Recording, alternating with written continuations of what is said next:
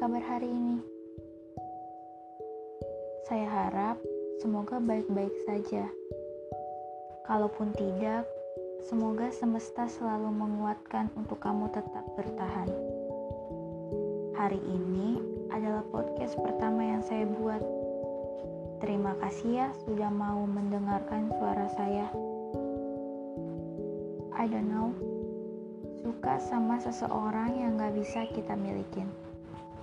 Saya pikir semua orang pernah merasakannya, melakukan berbagai macam hal untuk mencari perhatian.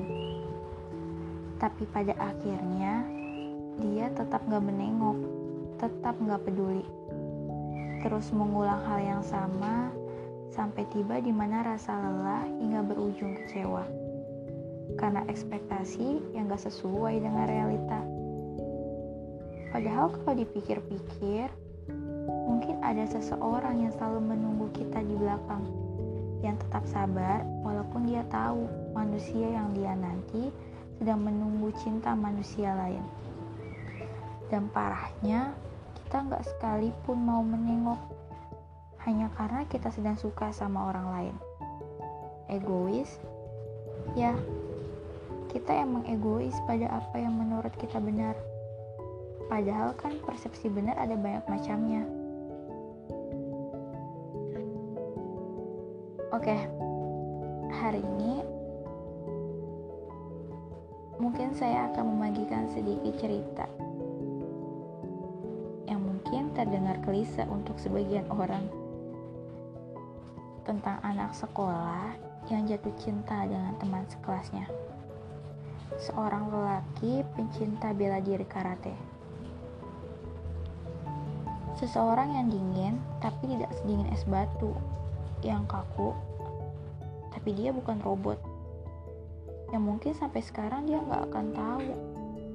Sampai saya mengungkapkannya tanggal 7 September 2020 kemarin.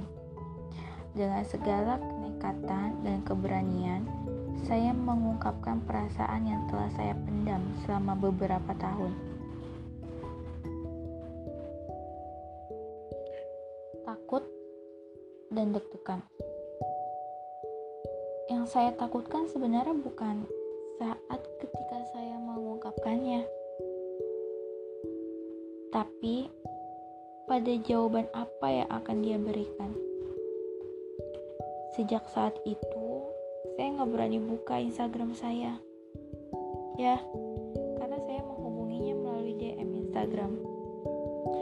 Sampai keesokan saya mencoba membuka kembali Instagram. Dan ternyata bukan jawaban yang saya dapatkan. Pesan saya tak terbalaskan. Begitupun dengan perasaan saya. Bohong kalau bilang hati saya nggak sakit. Rasa sakit itu tetap ada. Tetapi terlepas dari itu semua, entah kenapa justru saya lega Seakan-akan beban yang selama ini saya simpan sendirian, perasaan yang selama ini saya pendam, hilang begitu saja.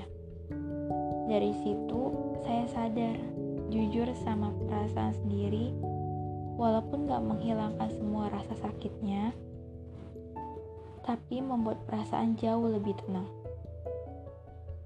Dan tepat hari ini, tanggal 21 Oktober, saya berhasil keluar dari kotak masa lalu itu.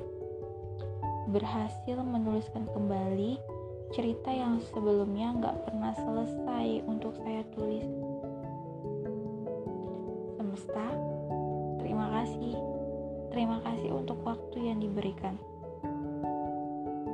Untuk saya mengungkapkan segala apa yang saya rasa sebelum rasa penyesalan itu, itu tiba.